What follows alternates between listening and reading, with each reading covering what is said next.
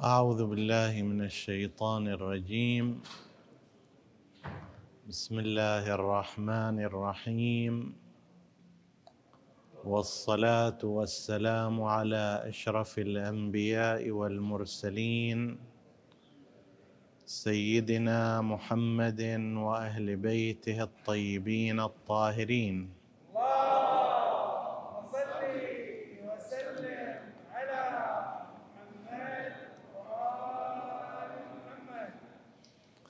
جاء في الرواية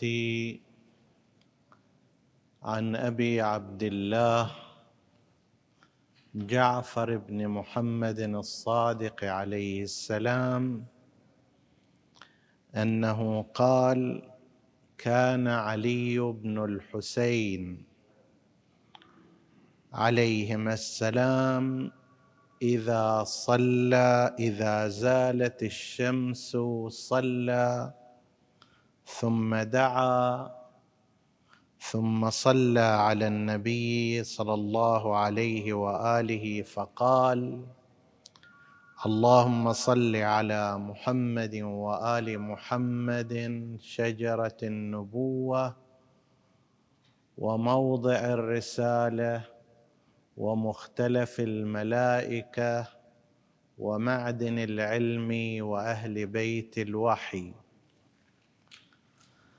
اللهم صل على محمد وآل محمد الفلك الجارية في اللجج الغامرة يأمن من ركبها ويغرق من تركها المتقدم لهم مارق والمتأخر عنهم زاهق واللازم لهم لاحق.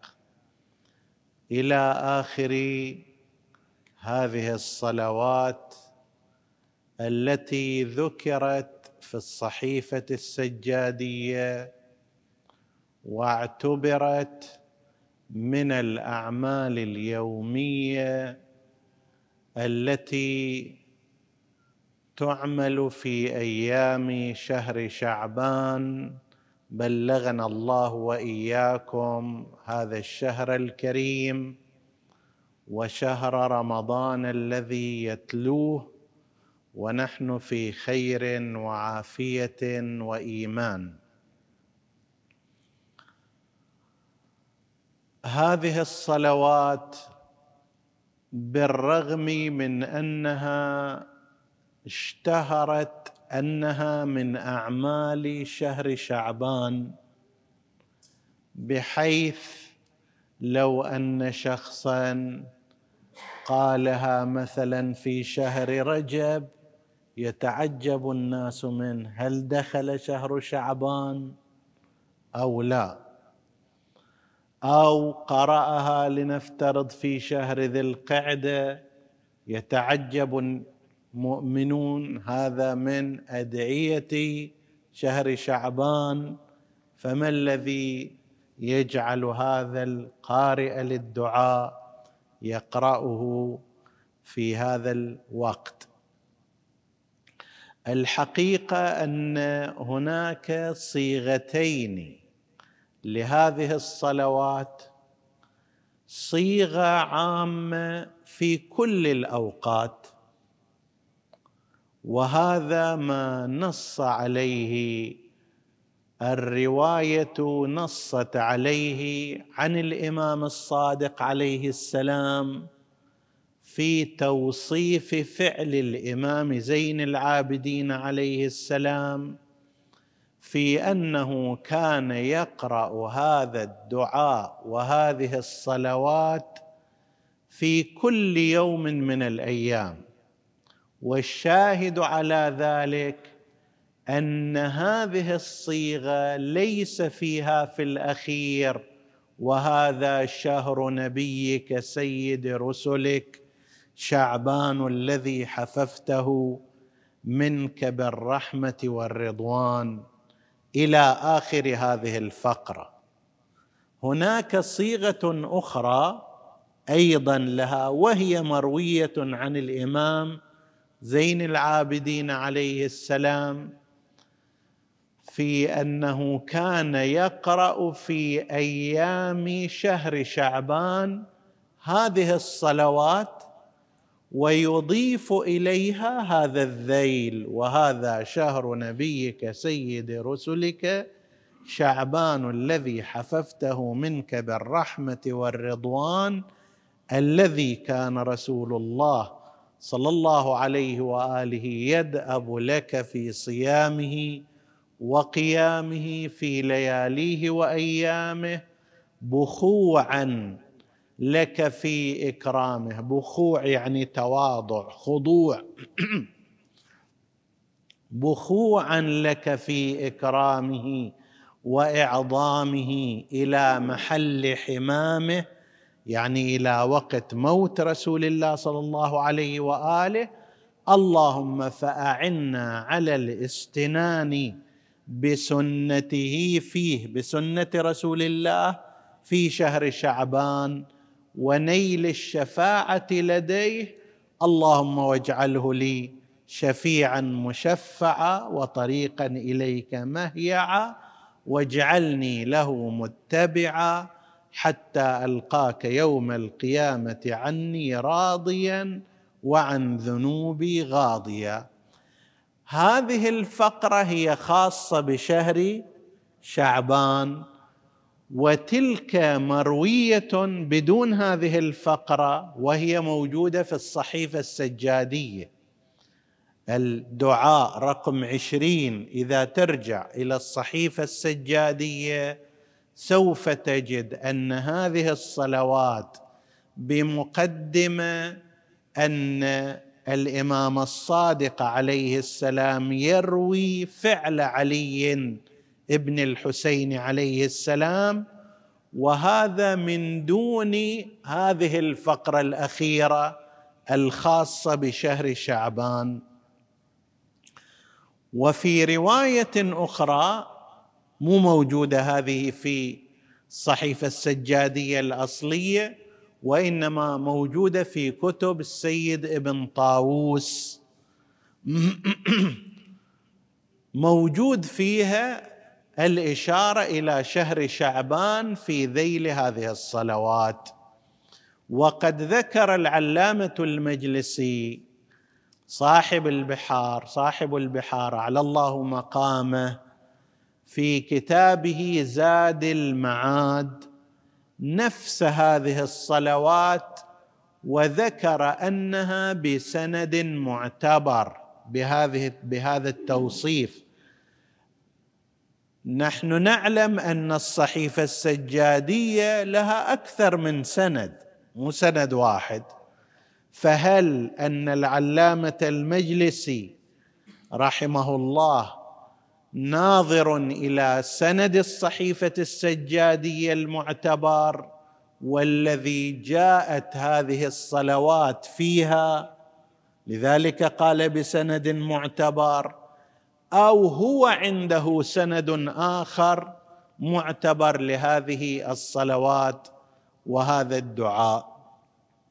على أي حال أول نقطة في هذه الم... في هذه الجهة أن هذه الصلوات ليست خاصة بشعبان وإنما إذا أراد الإنسان أن يقرأها في شعبان يستحب له أن يلحقها بهذا الذيل. اللهم وهذا شهر نبيك سيد رسلك شعبان. لكن لو أراد أن يقرأها في شهر رجب لا مانع من ذلك. كان علي بن الحسين عليه السلام إذا زالت الشمس صلى ودعا ثم صلى على النبي محمد وآله. الله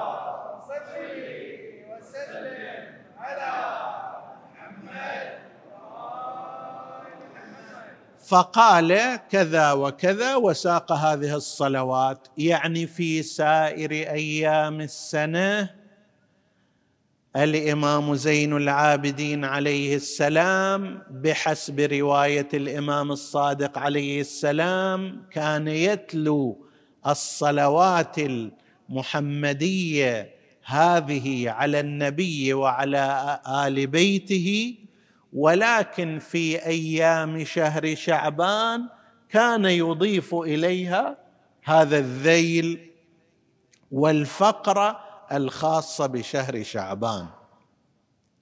ولذلك قال بعض علمائنا وهو محق فيما يقول قال إني كلما ذهبت إلى مشهد من مشاهد أئمة الهدى زرتهم بهذه الصلوات. يعني أروح مثلا مشهد أمير المؤمنين عليه السلام تارة أزور الإمام نفسه بزيارته الخاصة وتارة أنتهزها فرصة في زيارة كل المعصومين عليهم السلام. فأزورهم وأصلي عليهم بهذه الصلوات العامة. هم هي مختصرة؟ وجامعه في المعاني سوف يكون لنا إن شاء الله بعض الأحاديث في المعاني التي تشتمل عليها هذه الصلوات. فإذا هي ليست خاصة بشهر شعبان وإنما استحبابها وروايتها أنها في طول السنة وأن الإمام زين العابدين عليه السلام كان إذا زالت الشمس فعل هكذا. هذا التركيب كان يفعل هكذا وكان إذا زالت الشمس فعل هكذا يفيد الاستمرار والتكرار. هذه النقطة الأولى. النقطة الثانية بالنسبة إلى هذه الصلوات المحمدية التي قد تقرأ في شعبان وقد تقرأ في غيره هي نوع من أنواع تعليم الناس الصلاة على محمد وآله.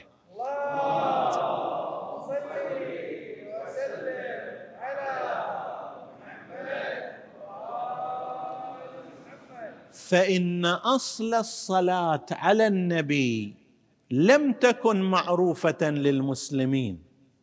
ولذلك لما نزلت الآية المباركة إن الله وملائكته يصلون على النبي يا أيها الذين آمنوا صلوا عليه وسلموا تسليما. جاء أكثر من واحد من الصحابة وسأل رسول الله صلى الله عليه وآله كيف نصلي عليك؟ الصلاه على الجنازة معروفة. مد بين يديك وكبر عليه خمس تكبيرات كما هو المعروف عندنا الإمامية واقرأ دعاء بين كل تكبيرة وأخرى. الصلاه اليومية فيها ركوع وسجود وما شابه. صلاة غفيله معروفة صلاة العيدين. انت أن نصلي عليك كيف؟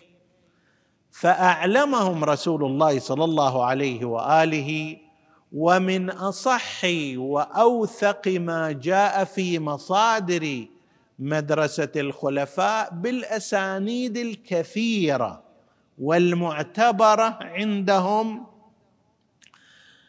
حديث ابن أبي ليلى وحديث كعب ابن عجرة. نقرأ شيئا منهما تمهيدا للحديث عن هذه الصلوات الشعبانية.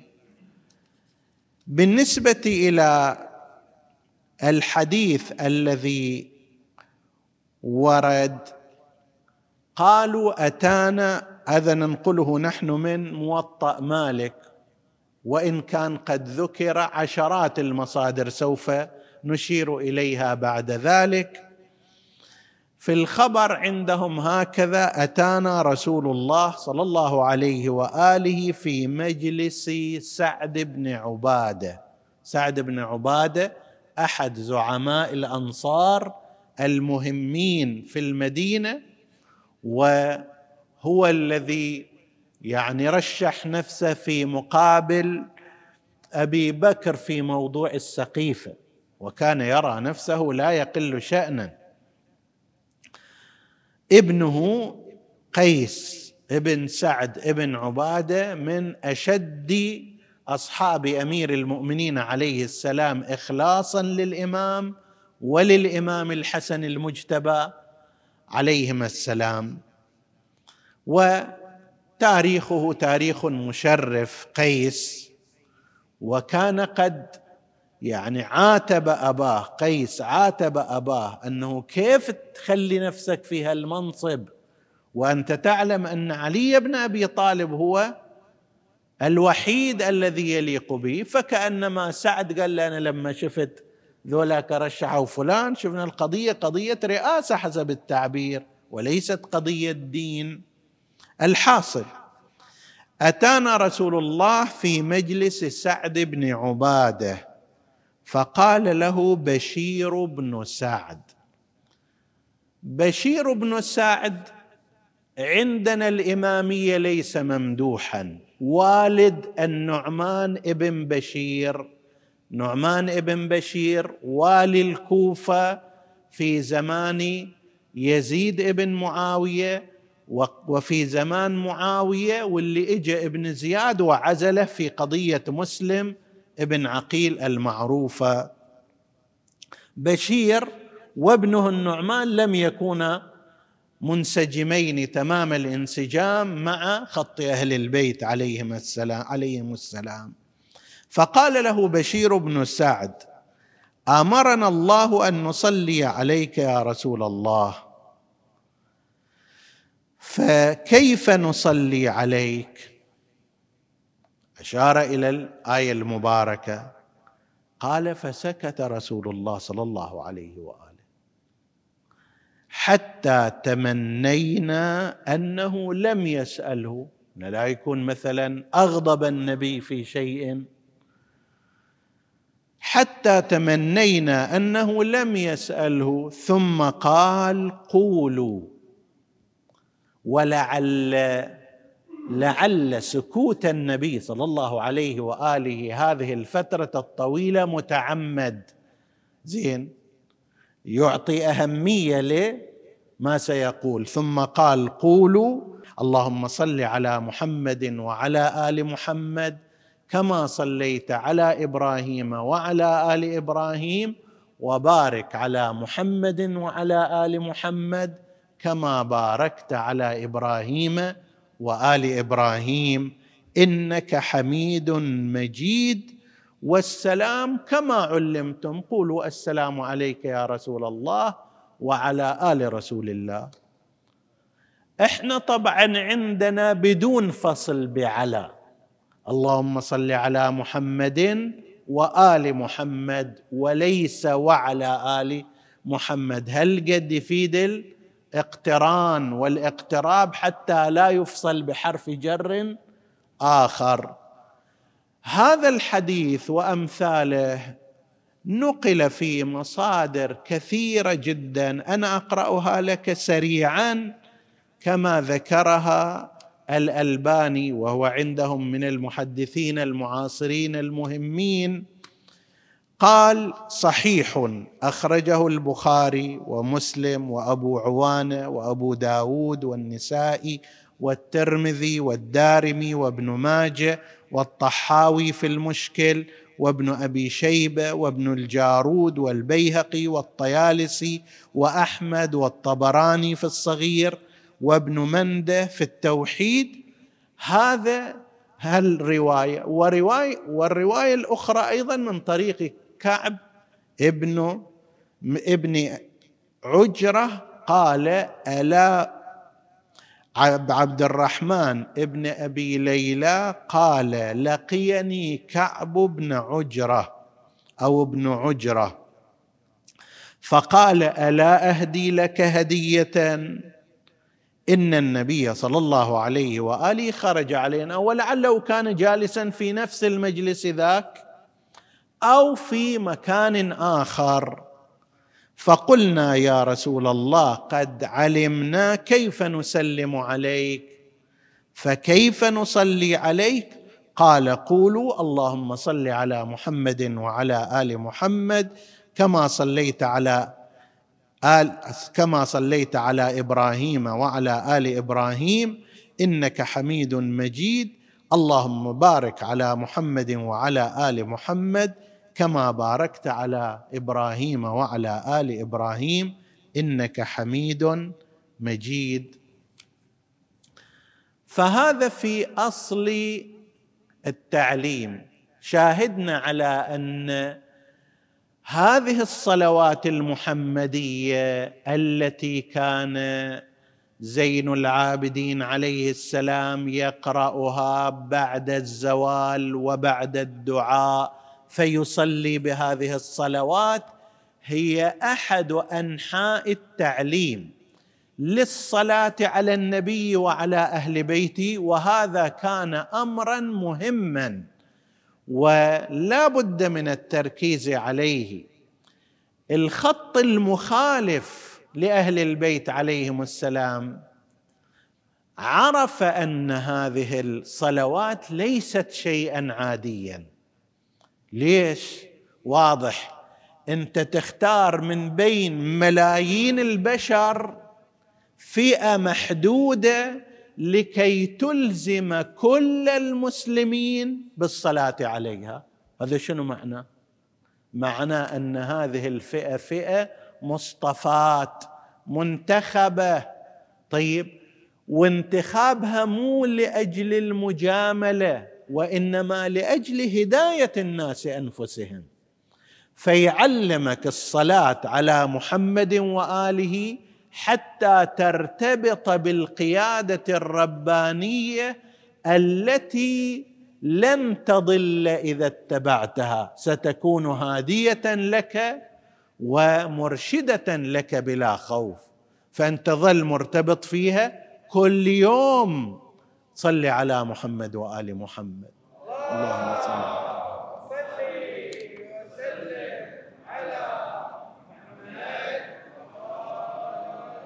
في كل فريضة. زين. الخط المخالف هو لا يقبل بهذا الأمر. ماذا صنع؟ عدة أمور. الأمر الأول قسم منهم حاولوا أن يضعفوا هذه الروايات.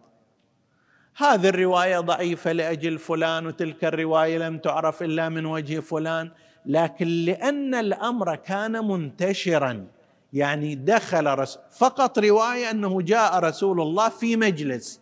هالمجلس لو فرضنا فيه عشرين شخص بالتالي هناك عشرون راويا كل واحد يرويه إلى أهل بيته وإلى من يعرف. أنت الآن تصور نفسك في هذا المسجد. سمعت شيئا جديدا. رواية استحسنتها حكما شرعيا استطرفته.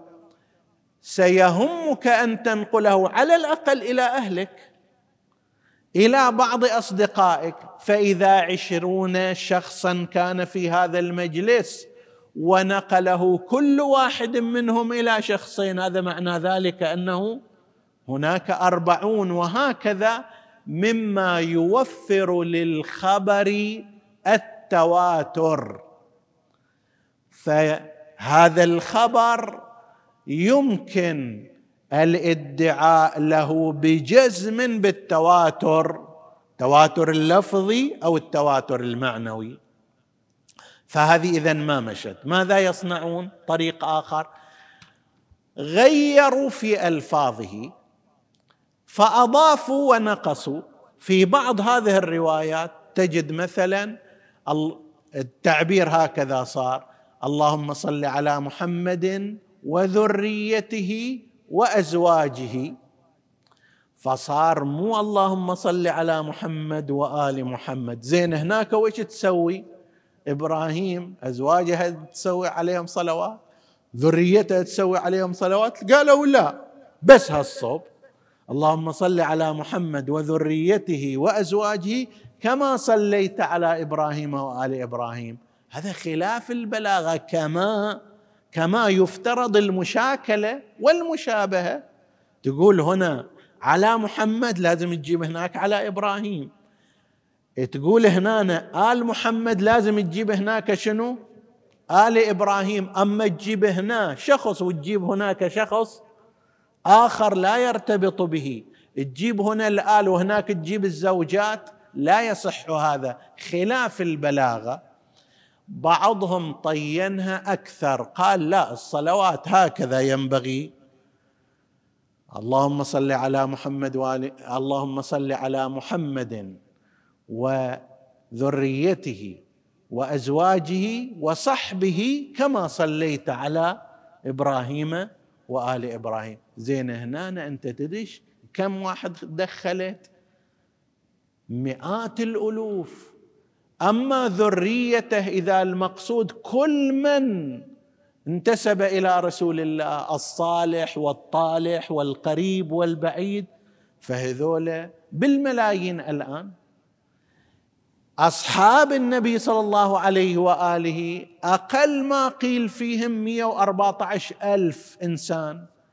فيهم المنافق بنص القرآن وفيهم شارب الخمر كما في قضية قدامى ابن مضعون وفيهم من حد وفيهم من قتل وفيهم من عصى وفيهم من كذب وفيهم وفيهم. وهذا بحث موضوع الصحابة يطول. زين هذول مطلوب فعلا أن الله يأمر الناس أن يصلوا على من سرق وزنى وقتل وترك الصلاة و والى آخره من أصحاب رسول الله. ومأمور أيضا أن تصلي على كل ذريته حتى الطالح منهم. لا ليس كذلك. لا سيما على القول بأن الصلاة هذه واجبة. حتى عند غير الشيعة يقولون أنه على الأقل مرة واحدة يجب الصلاة على النبي وعلى آله. ولو مرة واحدة في العمر هذا واجب ولو أن إنسانا تركها فقد ترك واجبا لأن القرآن يقول صلوا. وظاهر الأمر بالفعل الوجوب. طيب. بالإضافة إلى قرائنه الله يفعل ذلك الملائكه تفعل ذلك. طيب وهي نفس الآية يحتاج فيها كلام طويل. فهذه طريقة أخرى جاءوا بها لرفع الاختصاص عن آل رسول الله صلى الله عليه وآله. لكن أنت تعلم أن هذا ينتهي إلى ما لا يمكن قبوله. إجوا أخيرا استقروا على شيء ثالث وقالوا لا المطلوب هو فقط في التشهد. مو في سائر الأوقات. فقط في الصلاة إحنا بعد إن لا شو نسوي؟ ما دام. ولذلك يوجب هؤلاء في الخط المخالف أنه في التشهد في الصلوات لا بد من الصلاة على محمد وآل محمد وإليه أشار محمد بن إدريس الشافعي إمام المذهب يا آل بيت رسول الله حبكم فرض يعني واجب في القرآن أنزله كفاكم من عظيم الشأن أنكم من لم يصلي عليكم لا صلاة له.